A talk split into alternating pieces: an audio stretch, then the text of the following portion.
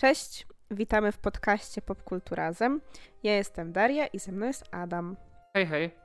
Dzisiaj zaczynam ja, bo powiedzmy, że zajmujemy się troszeczkę bardziej moją działką. A mianowicie porozmawiamy sobie o najnowszym filmie Roberta Eggersa, trzecim chyba już w jego karierze, czyli o Wikingu, a po angielsku Northman. W sumie zastanawialiśmy się troszeczkę po tym seansie, czy w ogóle będziemy chcieli o tym filmie rozmawiać. Dlatego, że jakoś tak, jak rozmawiamy sobie o tych Marvelkach i o tych blockbusterach, to zawsze jakoś powiedzmy więcej emocji one w nas wzbudzają i zawsze więcej możemy tam dopowiedzieć. A takimi mniejszymi filmami zwykle się nie zajmujemy, jakoś tak sobie je pomijamy. Ale stwierdziłam w sumie już tak kilka godzin po seansie, jak tak sobie siedziałam i ten film jakoś gdzieś tam mi się układał gdzieś tam w brzuszku, że, że w sumie mam kilka rzeczy do powiedzenia. Więc Adaś został zmuszony, żeby też znaleźć kilka rzeczy do powiedzenia. Ale no dobra, e, to na sam początek. Bo zwykle zaczynamy od y, mówienia o tym, y, jak nam się tak ogólnie podobało, ale ja chciałabym y, jeszcze Cię zapytać, czy, czy Ty w ogóle czekałeś na ten film? No bo jakby my wiedzieliśmy o nim już w sumie od dawna, on był ogłoszony dość dawno. I czy ty jakoś byłeś nahypowany na to, czy podchodziłeś do tego raczej na chłodno? Czyli ten, ten film, z tego co czytałem, był już zapowiadany przed pandemią, że oni mieli zacząć kręcić, ale przez pandemię zostały przesunięte chyba zdjęcia i wszystko. Czy czekałem? Wiesz co? Czekałem na tyle, na ile zaczęli moi znajomi czekać. W sensie, że ja nawet nie wiedziałem, że taki film powstaje i znajomi zaczęli się jarać, że wychodzi Northman i w ogóle super. Widziałem te zwiastuny i zwiastuny wyglądały naprawdę bardzo fajnie. Więc no, zacząłem czekać pod wpływem moich znajomych. Ja nie jestem jakimś super fanem Eggersa. Nie są to filmy, na które idę. Pierwsza myśl to idę na jego film. Widziałem Lighthouse, podobało mi się bardzo. Ale wiesz, no to nie jest taki film, wiesz, który widzę jego film, to na pewno pójdę. Jakby są inne filmy w kolejności. Nie? Mam tak, że okej, okay, mam wolny czas, to mogę pójść. Mhm. Nie, to właśnie u mnie, znaczy ja widziałam i oczywiście Lighthouse, ale widziałam też wcześniej Czarownicę. E, I zdecydowanie akurat Eggers u mnie wpadł na listę tych takich reżyserów, którzy no jak coś teraz będą wypuszczać, to ja będę to sprawdzać. To jeden z, z takich kilku reżyserów, bo Podoba mi się to, jakie on projekty w ogóle sobie wybiera, bo, bo na pewno robi bardzo ciekawe rzeczy. Jakby on u mnie tak trochę obok Lantimosa na przykład stoi, że właśnie to, to są tacy dwaj reżyserowie, których y, jestem ciekawa po prostu zawsze, co wymyślą. No a w przypadku Northmana, no to dodatkowo y, było jeszcze kilka innych czynników. Jakby Pierwszy, no to było to, że The Lighthouse było super, bo Czarownica była spoko, ale mm, jakby nie została mi na zbyt długo w głowie. Myślę, że musiałam sobie ten film obejrzeć jeszcze raz. E, natomiast The Lighthouse dla mnie był super i to był taki film, który mi się mega podobał. No i potem druga rzecz, no to kwestia związana z tym, w jakim e, settingu ten film miał być e, osadzony, bo nie będę tutaj ukrywać, że generalnie północ Europy jest tym rejonem, który mnie interesuje e, pod, e, czy to pod względem kultury, czy to pod względem historii i tak dalej. Więc tu byłam ciekawa. No i była trzecia rzecz, która ostatecznie nie pojawiła się w ostatecznym filmie. Czyli początkowo, oprócz Aleksandra Skarsgarda, miał tam wystąpić też Bill Skarsgård, tak? A Bill Skarsgård to jest, no też jeden z takich, jeden z moich ulubionych aktorów, jeśli nie ulubiony. I też y, staram się praktycznie wszystko od niego sprawdzać. No niestety się nie pojawił, bo tam wyszły jakieś kwestie y, związane z terminarzami. Niestety. Chociaż w sumie jestem ciekawa, w kogo on miałby się tutaj wcielić. Pasował czy... mi do roli tej, co miał William Dafoe. O, mm.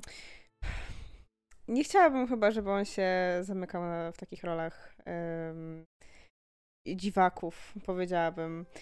Wiadomo, że już się w tym sprawdził e, w IT, ale nie wiem, czy, czy to jest ta droga. Bo już jakby, wiesz, już po IT go chcieli wcisnąć, już wiesz, ludzie sobie robili fancastingi, że na Jokera teraz, na kogoś tam, a jakby no, niech, niech się bawi trochę innymi rolami, nie?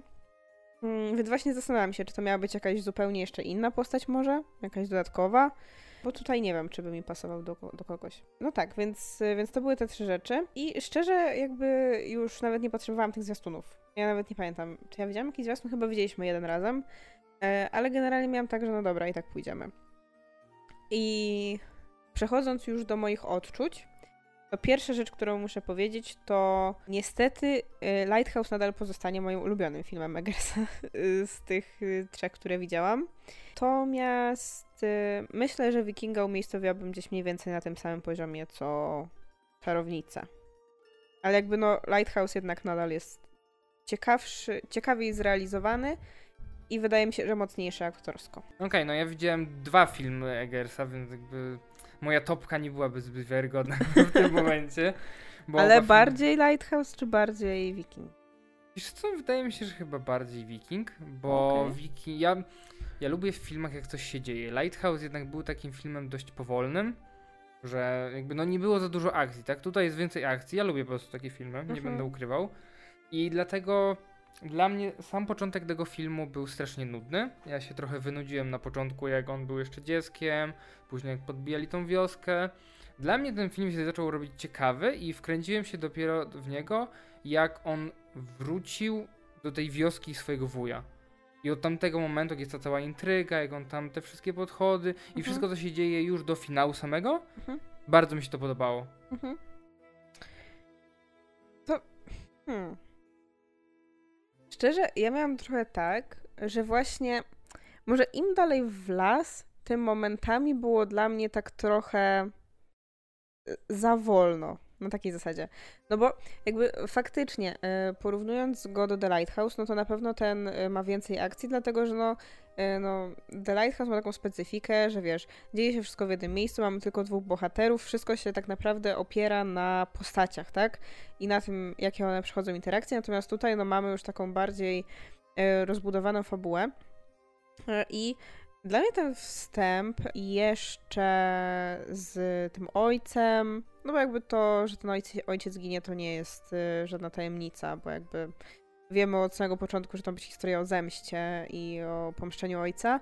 Więc dla mnie to było ciekawe, może dlatego, że tam też było sporo takich, um, takich dziwnych, mistycznych rytuałów, tego typu rzeczy. I później ta napaść na wioskę, jak on już jest starszy, też była fajna, ale pod tym względem, że jakby ona bardzo też ustawiała taki klimat tego filmu, bo y, ten film jest zdecydowanie bardzo brutalny y, i tam to widać. W sensie, no tam się nikt nie pierniczy w tańcu, nie? I, i to było bardzo mocne, y, więc mnie to tak troszkę zszokowało, ale ja generalnie też odnoszę takie wrażenie, że filmy Eggersa trochę takie mają być, że mają być takie męczące. W sensie one są dla mnie męczące. Ja patrzę po prostu na tych ludzi i ja sobie myślę, Boże, granie w takim filmie musi męczyć. W sensie ty jesteś tam po prostu cały czas w takich ogromnych emocjach, no nie? Że albo jesteś zły, albo jesteś e, jakiś przestraszony, albo coś i to jest takie taki nabuzowany. Ci, ci aktorzy zawsze tam tacy są, nie? Jakby jak myślisz o Lighthouse, to podobnie, jakby jak masz te sceny, gdzie oni tam śpiewają i coś i to jest takie, Boże, oglądam to i się męczę i tutaj miałam też podobnie, ale mm, faktycznie w pewnym momencie tak y, na etapie tego drugiego aktu miałam taki moment, że trochę mi się dłużyło. Więc no. trochę czułam, że to jest to 2,20, nie? Okej, okay, to ja miałem zupełnie na odwrót, bo mi się bardzo początek dłużył, mhm. a dopiero później zaczęła mi się właśnie z tą akcją e, wszystko ładnie rozwijać. To prawda, ten film jest bardzo brutalny, bardzo krwawy, wszystko jest takie, no nie muszą nam pokazywać, jakby jak jest ta, ten napad na tą wioskę, mhm. to bardzo widać, nie? Jak, jakby palą te domy, jakby słyszysz te krzyki z domu i wiesz, że tam są ludzie, którzy się palą żywcem i to jest takie, no mocne kino, mi się wydaje, że dużo ludzi może się no mocno odbić od tego filmu na pewno, bo mhm. to nie jest, no nie jest widok na pewno miły do oglądania, co do tych rytuałów, ja mam z nimi trochę problem, z, ty, z tych początkowego filmu, mhm. bo nie wiem, ja czułem, może nie żenadę, mhm. to jest złe słowo, ale czułem się tak strasznie niekomfortowo. Może miałem się tak czuć, nie wiem, mhm. może o to chodziło Eggersowi, że mam się tak czuć, ale oglądałem to i miałem takie, Jezu, oni to robili na planie. Jakby tam byli dookoła ludzie, e, operatorzy. I to jest strasznie takie dziwne, że oni, wiesz, jakieś tam szczekanie, picie z miski. To było takie. Tak, to było bardzo dziwne. no w sensie, strasznie. tak, to było naprawdę.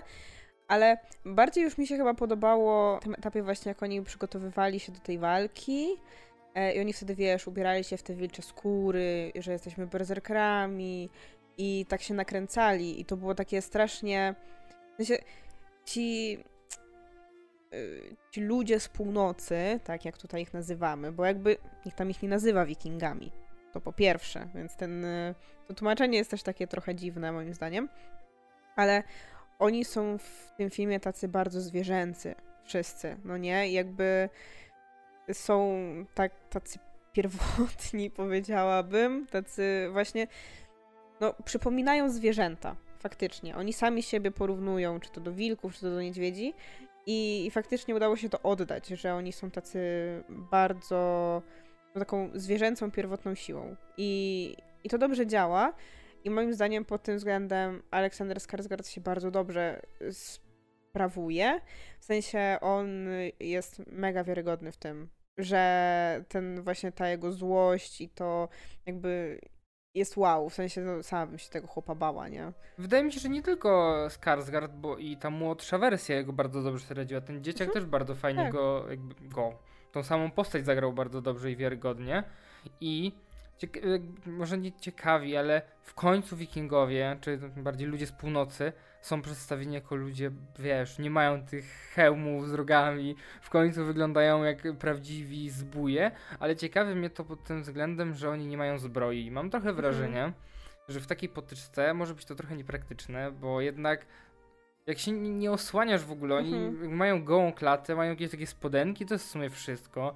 Rozumiem, że dla nich to może być takie, mm, no tak ty powiedziałeś, takie wiesz, zwierzęce, Mhm. pierwotne, że oni są tacy powiedzmy nadzy.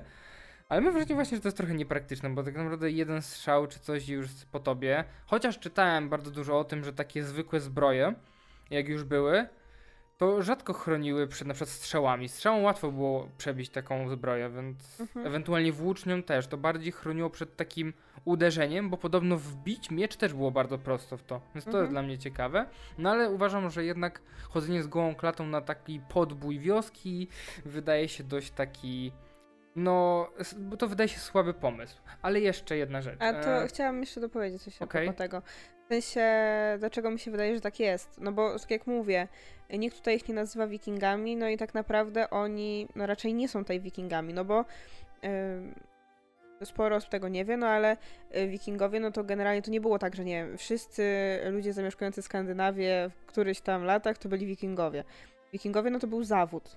Tak naprawdę, no nie? Czyli to byli tacy wojownicy, którzy tam często właśnie pływali w inne miejsca, y, tam, wiesz, podbijali, rabowali, bla, bla, bla. Y, No i tym się zajmowali. No tacy żołnierze, tak? Więc, więc to była praca. Natomiast wydaje mi się właśnie, że y, oni, w sensie ta grupka, w której ten Amlet, ten nasz bohater się później znalazł, jak dorósł, no to oni generalnie nie mieli z wikingami wspólnego. Oni jakby patrząc nawet na tę taką e, scenę, gdzie oni sobie płyną łódką i po prostu mordują jakichś losowych ludzi, oni po prostu właśnie wydaje mi się, że byli takimi zbirami.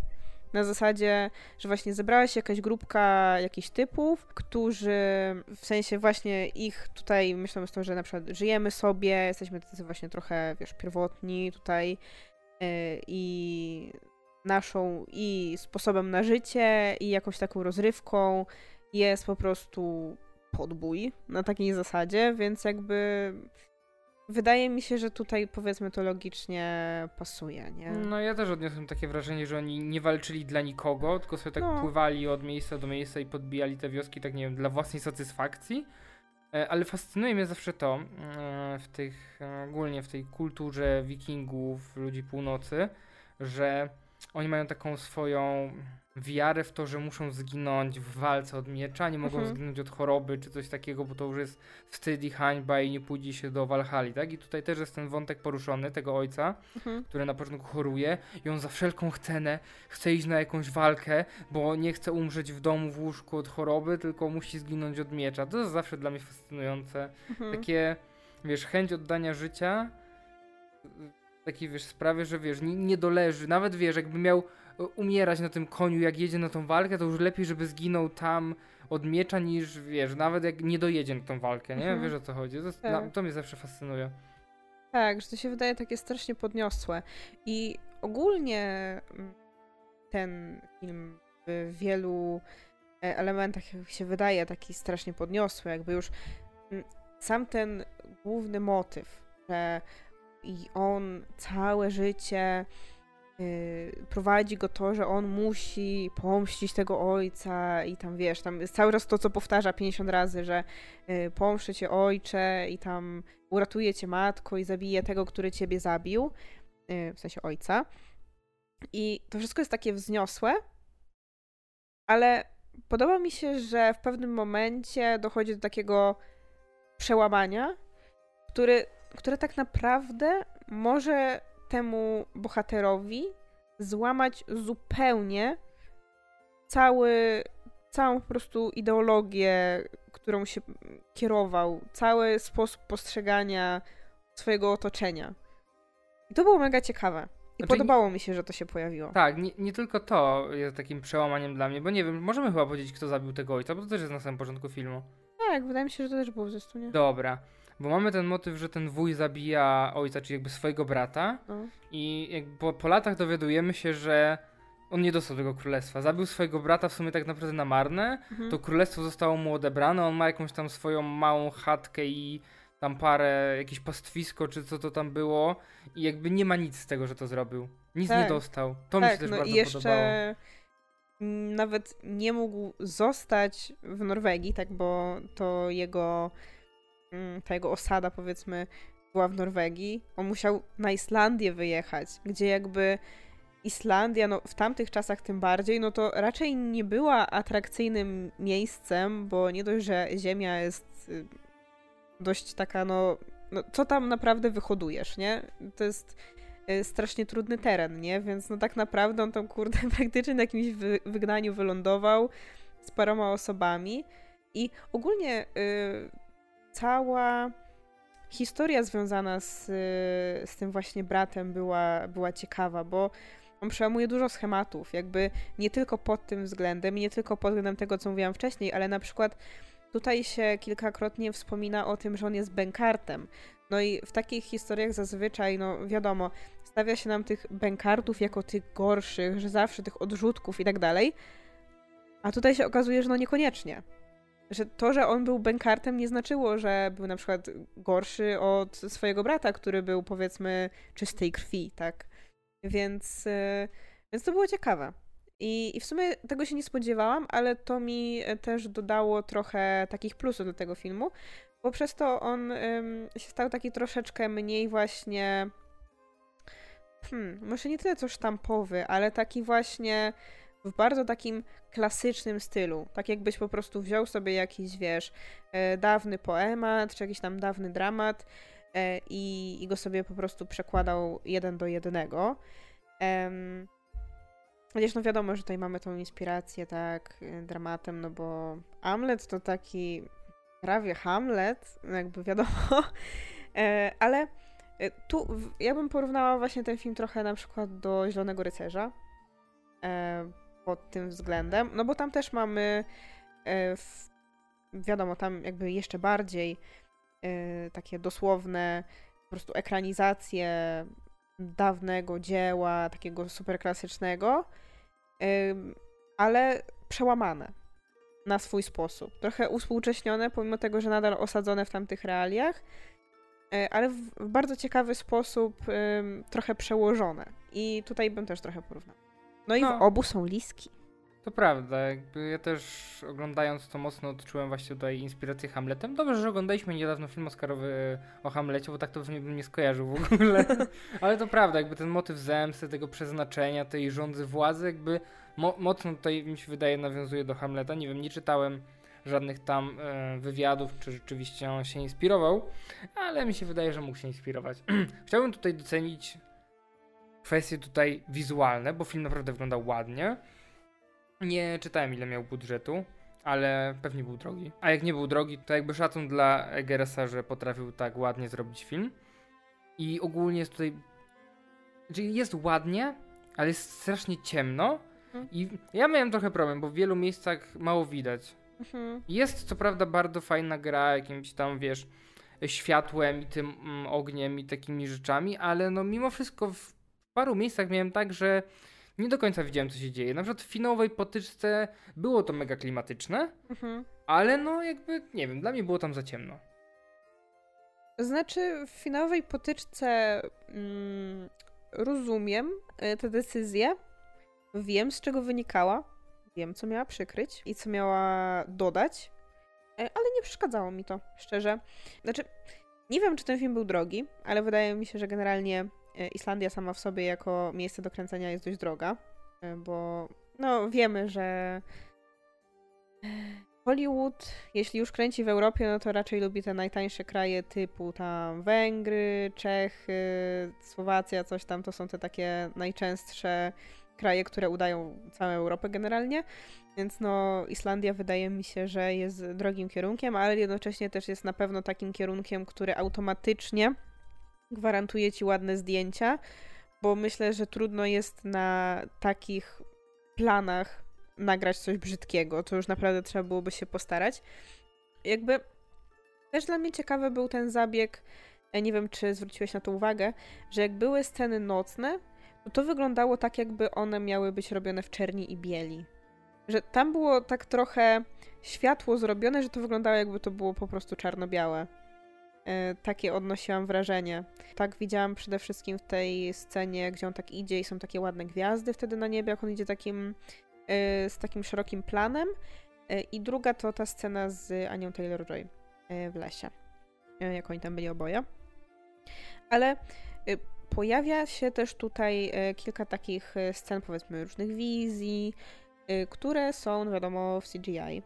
I ja tutaj miałam troszeczkę problem, bo no domyślam się, że wiadomo, to nie jest e, film, w którym to jest najważniejsze. E, To jest wiele ważniejszych rzeczy i ogólnie zdjęcia są bardzo ładne, ale troszeczkę mnie gryzły te efekty jednak. Mm, Jak mieliśmy to drzewo, czy, czy ogólnie te takie wizje, to one wyglądały dla mnie tak troszeczkę, no troszeczkę tanio jednak. Okej, jak ja nie wyczułem tego w tym drzewie. Jakby ja rozumiałem, że to jest jakby taki, wiesz, bo to takie drzewo genealogiczne, o tym mówimy, nie? No, Ta drzewo wiz- genealogiczne, trochę Yggdrasil, No tak, takie tak. połączenie, no. Okej, no to nie, ja tutaj nie odczułem. Ja bardziej to odczułem znowu w finale.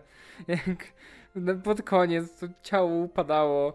Tak, to, To tak. wyglądało strasznie, nie wiem. To tak, to tak. Okropnie to wyglądało. To był, to był pierwszy i jedyny chyba moment w tym filmie, który miałem taki, o, czemu to Mm. przeszło? Jak to wyszło? Nie, to wyglądało strasznie. Tak, bo tutaj właśnie był ten moment, y, o którym w ostatniej naszej rozmowie o Morbiusie mówiłam. To był ten moment, ten element, który tam chciano tym y, śmiesznym kurzem y, ukryć. No i tutaj wiadomo, ludzie generalnie jak się ruszają, to nie robią dziwnego kurzu, tak jak wampiry w Morbiusie, więc nie dało się tego ukryć i no niestety jak ciało jest w CGI, no to rusza się trochę nienaturalnie. No. I to widać. I ładna jest w tym filmie charakteryzacja, głównie na przykład tej wiedźmy, nie wiem kto to był, tej Bjork ona grała, tak? Tak, no jakąś wiedźmę. No, to była bardzo ładna charakteryzacja, to ona mi się bardzo wybijała, że bardzo ładnie wyglądała, ale ogólnie jakby ta cała wioska i gdzieś tam, wszystko to ładnie wygląda, chociaż miałem wrażenie, że to chyba było wybudowane, ta cała scenografia, nie wydaje mi się, żeby musieli gdzieś tam to, tym bardziej, że byli na Islandii, więc głupio robić CGI na przykład tła, Mhm. Nie, nie, tam wszystko wyglądało naturalnie. tak. Wydaje mi się, po prostu wybudowali te, te domki. To wszystko tam sobie ładnie wkomponowali w tło. Myślę, że jeszcze będziesz chciała wspomnieć o muzyce, bo wyszliśmy z kina głusi. Muzyka Tak. jest tak strasznie dudniąca i takie, znaczy może nie chóry, ale jakby wiemy o co chodzi, jest strasznie dudniąca, mocno daje po uszach, te basy wszystkie, no. To jest taki, nie może nie Hans Zimmer, ale no.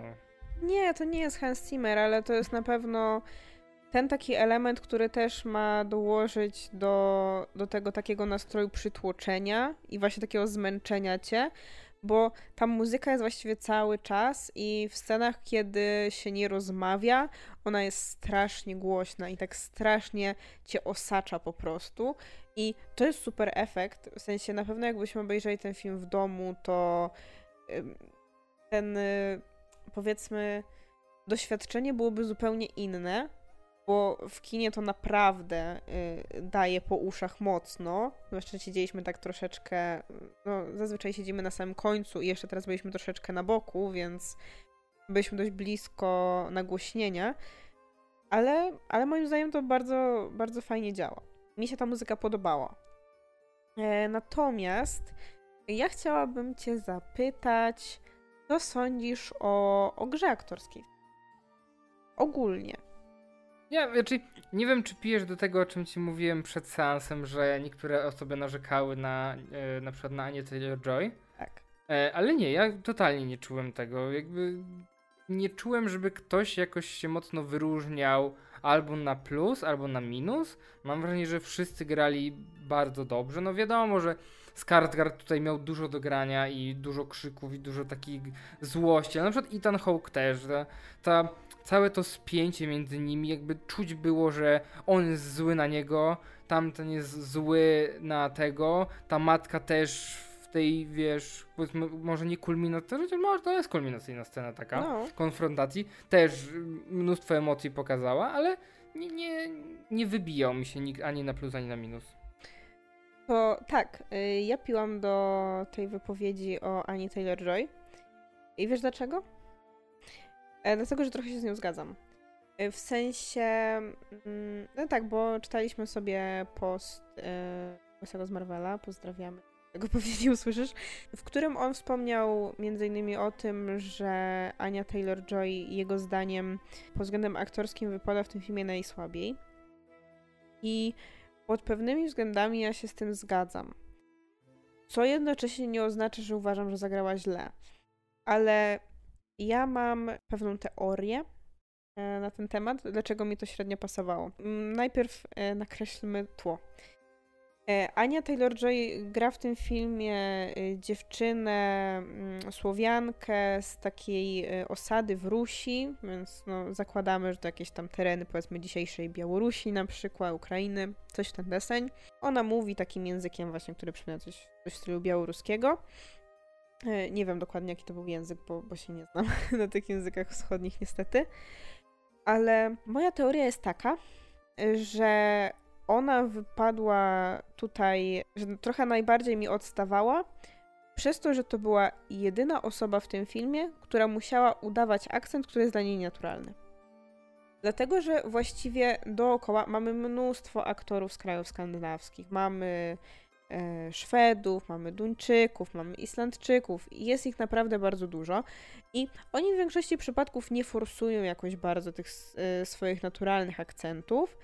Mm, ale jeśli już, no to wiadomo, dla nich to jest ok. Natomiast Ania Taylor-Joy, no z krajami słowiańskimi to nie ma nic wspólnego, tak? Ona, jeśli chodzi o y, mówienie i tak dalej, może nie o aparycję, zdecydowanie y, już y, bardziej autentycznie wypadłaby grając latynoskę, nie? Bo wychowała się w Argentynie, więc po hiszpańsku mówi super. Natomiast, no wiadomo, z językami słowiańskimi nie ma nic wspólnego, więc po prostu wyuczyła się tego akcentu. E, I ja właśnie bardzo czułam u niej, że ona się bardzo stara, żeby mówić z tym akcentem. I to jest coś, co ja też odczułam już w momencie, jak grała w New Mutants. No bo w New Mutants ona też grała ym, magik, y, która jest Rosjanką. I ona też mówiła tam z bardzo podobnym akcentem. I, I też czułam, że on był taki bardzo mocny i czułam, że ona się bardzo stara, żeby z nim mówić. I jakby ja nadal rozumiem, dlaczego ją się zatrudnia do takich ról. Jakby to nie tylko dlatego, że ma na imię Ania i to jest takie, wiesz, że ludzie na zachodzie myślą, że tak mają Słowianki wszystkie na imię. E, Ale no przede wszystkim ona e, jakby wizualnie pod względem swojego wyglądu się bardzo wpisuje w ten taki stereotyp Słowianki, e, który gdzieś tam mm, w Hollywood funkcjonuje, czyli że no to musi być taka dziewczyna, która jest bladziutka, blondynka z niebieskimi oczami, więc ona tutaj jak najbardziej pasuje. Mm. No i druga rzecz jest taka, że o ile aktorów skandynawskich w Hollywood możesz znaleźć dużo, to aktorów czy aktorek słowiańskich, no właściwie to ze świecą szukać. I tutaj też jakby to rozumiem. bo Skandynawowie mają ten swój plus, że świetnie znają angielski, właściwie wszyscy. I przez to już mają duże, duży plus. Natomiast u nas to jest nadal tak średnio. Ale faktycznie ja, ja czułam, że, że Ania Taylor-Joy prze, przez ten akcent mi trochę może tak, tak nie pasowała, że, że czułam, że musi się bardzo starać, ale no drugi problem jaki mam, e, ale to już nie wynika kompletnie jakby z jej umiejętności czy z jej gry, to to, że generalnie ta jej rola ym, była powiedzmy, że ona nie musiała się za dużo wykazać na tle innych. Bo już nawet Nicole Kidman miała te bardziej emocjonalne sceny, gdzie musiała powiedzmy trochę mocniej zagrać. Natomiast ta rola Annie Taylor-Joy była taka bardziej mm, stonowana, powiedziałabym. Więc ona nie miała też takiego momentu, żeby pokazać trochę więcej, podczas gdy wszyscy dookoła właściwie musieli to zrobić. Więc może dlatego tak to wygląda.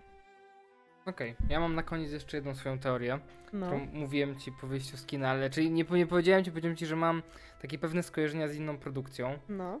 I nie wiem, w sensie, to będzie strasznie dziwne porównanie może, ale ja miałem takie skojarzenie. Bo ogólnie w tym filmie jest tak, że gdzieś tam na początku pada jakieś takie stwierdzenie, że ten e, ojciec mówi do młodego tego e, Amleta, że jak jest ta zemsta, nie? Że musisz zginąć tam od miecza, że jak ktoś tam cię zabije, to musisz go pomścić i zawsze się znajdzie ktoś, kto będzie chciał kogoś pomścić, nie? Że jakby robi się taki łańcuch, powiedzmy, zemsty.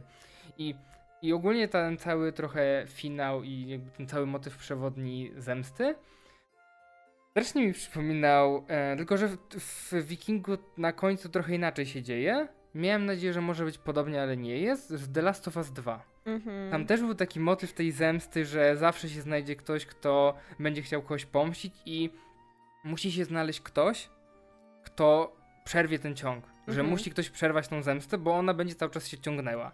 I miałem nadzieję, właśnie przy tym momencie kulminacyjnym, że właśnie to się stanie w tym momencie, że jak on zrozumiał, co się stało i że jakby ten cały świat jego wywrócił się do góry nogami. To, że on odpłynie. Tak, to, że on odpłynie z nią. I jest ten sam motyw, że Eli miała już szczęśliwe życie, ale mimo wszystko wróciła i chciała, wiesz, zabić tą Abi. I mhm. tutaj jest bardzo podobny motyw, nie? Mhm, tak, jak zacząłeś teraz o tym mówić, jakby jak już byłeś w połowie tłumaczenia, to już wiedziałam o co ci będzie chodziło. I w sumie ma to sens, dlatego że właśnie, no bo The Last of Us też trochę gra z takim naszym przekonaniem, że zawsze jak my się wcielamy w tę postać, która ma kogoś pomścić, to ta zemsta jest dobra. Że to jest właśnie ten cel, który jest super do osiągnięcia i ta druga osoba zawsze jest tą złą. A potem się może okazać, że niekoniecznie. I to nam pokazało The Last of Us 2 i to nam pokazała yy, Nicole Kidman w tym filmie, tak? I, I to jest super. Ja bardzo lubię takie granie z, z naszymi oczekiwaniami, i to jest właśnie coś, co zawsze dodaje mi e, plusik do oceny. E, więc tak, e, faktycznie, nie dziwię się, że ci się skojarzyło, bo jak teraz o tym mówisz, to ma naprawdę dużo sensu. I no, pomimo tego, że ja nie grałam w The Last of Us 2, ja widziałam tylko jak ty grałeś, to w obu tych produkcjach mi się to podobało na takim poziomie koncepcyjnym, faktycznie. Tak, no bo zawsze widzisz tylko tą jedną stronę, która się mści, a jakby ta druga strona też ma jakąś swoją historię związaną jakby bardzo podobną co my, nie? Jakby, a nie tak. widzi się tej drugiej perspektywy. Tak, tak. Zawsze mi się właśnie podoba, kiedy trochę nam się pokazuje, że nasi protagoniści niekoniecznie zawsze muszą mieć rację. I, i to jest fajne. To, to mi się naprawdę też podobało w tym filmie. No to co, słówko podsumowania w dyskusji bezspoilerowej, bo chyba chcemy przejść do tego kulminacyjnego momentu, o którym tyle już gadamy, okay. żeby go trochę omówić, czy nie chcesz? Znaczy nie wiem, czy mam dużo do powiedzenia, ale możemy chwileczkę porozmawiać o finale samym. Okej, okay. to ogólnie, no tak jak mówiłem, mi się podobał film bardzo, tylko mi się podobał film bardzo dopiero od drugiej części, powiedzmy od drugiego aktu, jak już główny bohater ląduje w tej wiosce wuja i tam się zaczyna to knucia. Mhm. Bo początek był dla mnie za nudny, zbyt powolny, dużo tam było takiego gadania, dużo takich dziwnych, cringe'owych scen, gdzie szczekali i takie rzeczy. Ale no, nie no, podobał mi się. Podobał mi się chyba bardziej niż się spodziewałem. Mhm. Znaczy, ja się spodziewałam, że będzie mi się podobał bardziej jeszcze. Um, to mogę powiedzieć po co mają. W sensie ogólnie mi się podobał i tak jak teraz rozmawialiśmy, ten film powiedziałabym, że trochę sobie właśnie dojrzewa we mnie i z czasem jak sobie troszkę więcej o nim myślę, to podoba mi się jeszcze bardziej. Może zmienię na ósemkę na film Webie z siódemki, zobaczymy, jeszcze muszę pomyśleć. Mm, ale na pewno yy, chciałabym powiedzieć, że jeśli ktoś teraz słucha i się zastanawia, czy jest warto iść do kina, czy na przykład poczekać, aż to trafi na streaming, to ja powiedziałabym, że naprawdę to jest jeden z tych filmów, na które warto iść do kina. I podobnie było z The Lighthouse, dlatego że oba te filmy bardzo, bardzo dobrze działają w kinie właśnie przez ten dźwięk. Ta muzyka dodaje mnóstwo do odczuć e, związanych z filmem. Ona bardzo mocno buduje atmosferę i w domu, jasne, niektórzy mają na pewno dobry sprzęt, ale myślę, że musieliby obudzić wszystkich sąsiadów dookoła, żeby odczuć to tak, jak to było w kinie. Yy, faktycznie i naprawdę pod tym względem to jest taki film, który naprawdę warto obejrzeć na dużym ekranie i przy bardzo dobrym nagłośnieniu. Yy, tak, to, to właściwie tyle chciałam powiedzieć. No dobra, no to lećcie do kina, jeżeli, jak jeszcze, czy, no jak jeszcze grają, grają, dopiero się, dopiero się zaczęło, więc lećcie do kina póki jeszcze możecie. Mhm. A teraz ja chwilę pogadam, ja nie wiem czy Daria ja chwilę coś chcę powiedzieć, więc teraz będą spoilery. Chciałbym właśnie pogadać o tej scenie kulminacyjnej, w której mhm. nasz główny bohater konfrontuje się z matką i jest święcie przekonany, że e, tutaj całej, cała jego zemsta, którą dokonuje na tym wuju, jest słuszna i chce uratować swoją matkę. No i spotyka się z takim no szokiem, bo jednak ta matka mówi, że nie była szczęśliwa z jego ojcem, że jego ojciec był jakimś takim tyranem i ogólnie nie traktował jej dobrze. I że z tym wujem jest szczęśliwa po prostu i że jej się tutaj dobrze żyje i ona jakby nie chce go zabijać, nie chce nigdzie wracać, no bo ma tutaj szczęśliwe życie. Jakby całe jakby przekonania, które przez całe życie w nim e, tkwiło, ten, ta żądza zemsty, to są jakby wszystkie te e, rzeczy, które wpają mu ojciec o tej zemście, o tym honorze, jakby wszystko gdzieś tam w nim się przełamało, jakby wywróciła ta rozmowa jego życie o 180 stopni. I właśnie tak jak mówiłem przy okazji tutaj porównania do, do The Last of Us, miałem właśnie nadzieję, że skończy się tam podobnie, bo później rzeczywiście on wraca. Jakby zostawia tą swoją no nie żonę, jeszcze tylko no to Anię Taylor-Joy na tym statku i płynie pomścić jednak. Uważa, że musi go pomścić, no bo nie wyczymie po prostu do końca życia z tym, mhm. że nie pomścił ojca. I miałem nadzieję, że to się skończy podobnie jak w The Last of Us. Mhm. Że on tam popłynie, będą sobie walczyć i w końcu jakby on zrozumie, że zemsta nie jest rozwiązaniem. No ale niestety skończyło się. Niestety, niestety skończyło się tak, że jakby obaj nawzajem się zamordowali. To też było w sumie dość sprawiedliwe, powiedzmy, ale musiałem oglądać to okropne CGI, jak jest odcięta głowa i to ciało upada. No i ta cała lawa też wyglądała tak dość średnio, mi się wydaje. No, jakby to, cały ten finał wyglądał dla mnie strasznie dziwnie. W sensie było ciemno, od tej lawy niby było jakieś światło, ale wszystko wyglądało tak sztucznie trochę. No bo nie mogłeś zobaczyć yy, przyrodzenia aktorów. No, jakby dobrze, bo nie chciałam ich oglądać. Ale mm, ja w sensie trochę się zawiodłam ostatecznie tym, że on wrócił, ale mm, w sensie, bo przede wszystkim dla mnie najbardziej uderzający był ten moment, w którym ta matka powiedziała mu, że to, co ja ci mówiłam, że ja jestem jakąś tam, wiesz, księżną czy kimś tam, który przyjechał, która przyjechała z, z, tam z Brytanii, że to jest wszystko kłamstwo, bo ja byłam niewolnicą, którą twój ojciec porwał i ty jesteś dzieckiem z gwałtu tak naprawdę. I to było dla mnie najbardziej uderzające i myślałam, że dla niego też będzie, biorąc pod uwagę, że jednocześnie on teraz jakby związał się z tą Olgą, graną przez Anię Taylor-Joy, która jest w bardzo podobnej sytuacji. Znaczy, ona jest dziewczyną, która jest e, niewolnicą, ale jednocześnie ten jego wuj sobie ją właśnie upatrzył jako tą najładniejszą i próbował gdzieś tam do niej podbijać, tak? Więc równie dobrze ona ją mógłby spotkać taki sam los. Więc jakby kobietę, którą on kochał, mogło spotkać to samo. Też mogłaby, nie wiem, zostać zgwałcona przez niego i na przykład potem musieć urodzić jego dziecko, nie? Więc to było takie. Jakby. Trochę nie kumałam tego, że on w tym momencie stwierdził, że jakby dostał tym w twarz i stwierdził, że nie no, to ja muszę tu moją matkę teraz też jeszcze walnąć, bo jakby porąbało ją, no nie? I to było dla mnie takie najbardziej uderzające w tym, że jakby on nie stwierdził, że okej, okay, ja rozumiem cię matko, tylko zatrzymał się przy tym, co mu ojciec wpajał i przy tych swoich, wiesz, wartościach na zasadzie, że muszę go pomścić. Pomimo tego, że potem odrzucił swoje inne wartości, bo mówił, że nigdy kobiety by nie zabił, a to zabił kobietę, swoją matkę i dziecko jeszcze. Okej, okay, ja trochę kumałem to, bo trochę to było w jego jakby inny charakter, bo całe życie, jakby tak mówiłaś, miał takie przekonanie, jakby ciężko powiedzmy, wiesz, takim w chwili przewartościować sobie całe swoje życie, mi się wydaje, mimo, mimo że był w takiej sytuacji. A on tą matkę nie zabił tak jakby z własnej nieprzymuszonej woli trochę, bo ona chciała go wziąć podstępem i on no po prostu tak. ją zabił, bo ona chciała jego zabić. No tak, ale, ale w sensie już jakby w momencie, jak z nią porozmawiał i poszedł do tej Olgi, no też jej powiedział, że mo moją matkę porąbało, no nie? Nie wiem. Sensie, było to dla mnie trochę też dziwne pod tym względem, że no teoretycznie od początku y, nam się też mówiło, że on obok siebie stawiał zemstę na ojcu i uratowanie matki. A jakby w momencie, kiedy matka mu, kurde, zburzyła wizerunek ojca, to nie stwierdził, że no dobra, ty matku tutaj zostałaś, nie muszę cię ratować, wszystko jest okej, okay, ale stwierdził, że będzie się trzymał po prostu tego, że no nie, no już powiedziałam ojcu, że muszę go uratować, znaczy tam y, pomścić, więc to zrobię. Wydaje mi się, że tu właśnie po prostu wjechała mu ta taka mentalność, której się wyuczył już jak właśnie był z tą bandą i, i trudno było mu to porzucić. I to było dla mnie też takie trochę... No, no rozumiem o co chodzi. No tak, no bo właśnie, wiesz, ten początek nam go trochę tak budował jako takiego nadal wrażliwego chłopaka, nie? I wydaje mi się, że to ta cała śmierć ojca i to jak on wyjechał go po prostu jakby wyczyściło go y, z tej wrażliwości właściwie, nie?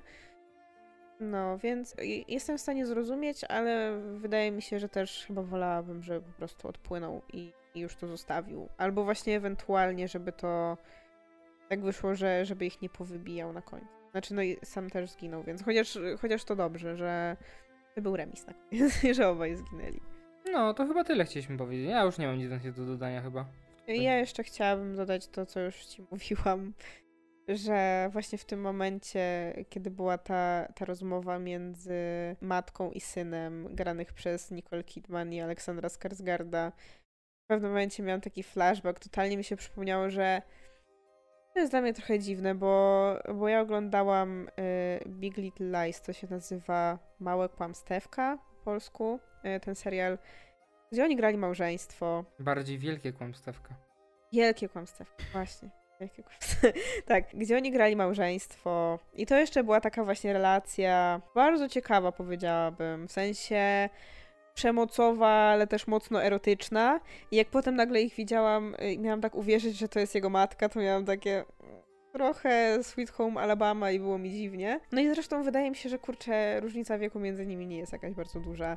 I Nicole Kidman y, nadal wygląda młodo, więc to było dla mnie takie troszeczkę dziwne. Zwłaszcza, że mm, dziwnym dla mnie rozwiązaniem było to, że w ogóle nie próbowano jej postarzyć. Bo mamy postać graną przez e, tego pana, którego imię teraz pewnie bardzo zepsuje, czyli tego Klasa Banga czyli tego wuja. No i on na początku poznałem go ma czarne włosy, czarną brodę. No i z czasem, jak on już jest na tej Islandii, e, no to dobra, nie powiem, że jest chudszy, bo na koniec widzimy, że to jest tam nabity chłop y, strasznie, e, ale no ma e, inne włosy, w sensie jest troszkę już posiwiały, więc ma takie szpakowate i faktycznie widać po nim, że się zestarzał. Natomiast u Nicole Kidman właściwie nie wprowadzono żadnej zmiany. No nie, że na przykład nie, nie dodano jej właśnie bardziej posiwiałych włosów, czy jakichś zmarszczek. I ona właściwie wyglądała tak samo, jak on, jak Amlet był dzieckiem i tak samo wyglądała, jak był dorosły. Więc wydaje mi się, że przez to tak trochę mi to przeszkadzało. Że jakby nie czułam aż tej takiej właśnie no, różnicy wieku między y, dzieckiem a rodzicem, bo czułam, że tam, nie wiem, ile ona może być lat od niego starsza, z 10, to trochę dziwnie. No, więc mogli ją troszeczkę postarzyć. No okej, okay, to tyle. Dziękuję za uwagę, możecie się podzielić swoimi opiniami. No i tak mówię, uważam, że warto pójść do kina, to tym bardziej, jeżeli nie macie w domu takiego sprzętu, jakieś kino nowe czy coś, to tak jak Daria mówiła, no warto pójść do kina i usłyszeć to ze wszystkich stron, powiedzmy. No, Albo jeśli macie kino domowe i mieszkacie w bloku, bo sąsiedzi mogą się wkurzyć. no to mnie wszędzie w internecie możecie znaleźć pod nickiem Adaś Alex. Nie natomiast możecie znaleźć na facebookowym fanpage'u Ocieplanie wizerunku Skandynawii o skandynawskim kinie i na książkowym Instagramie Daria Podłoga OWS. I do usłyszenia, cześć. Pa, pa.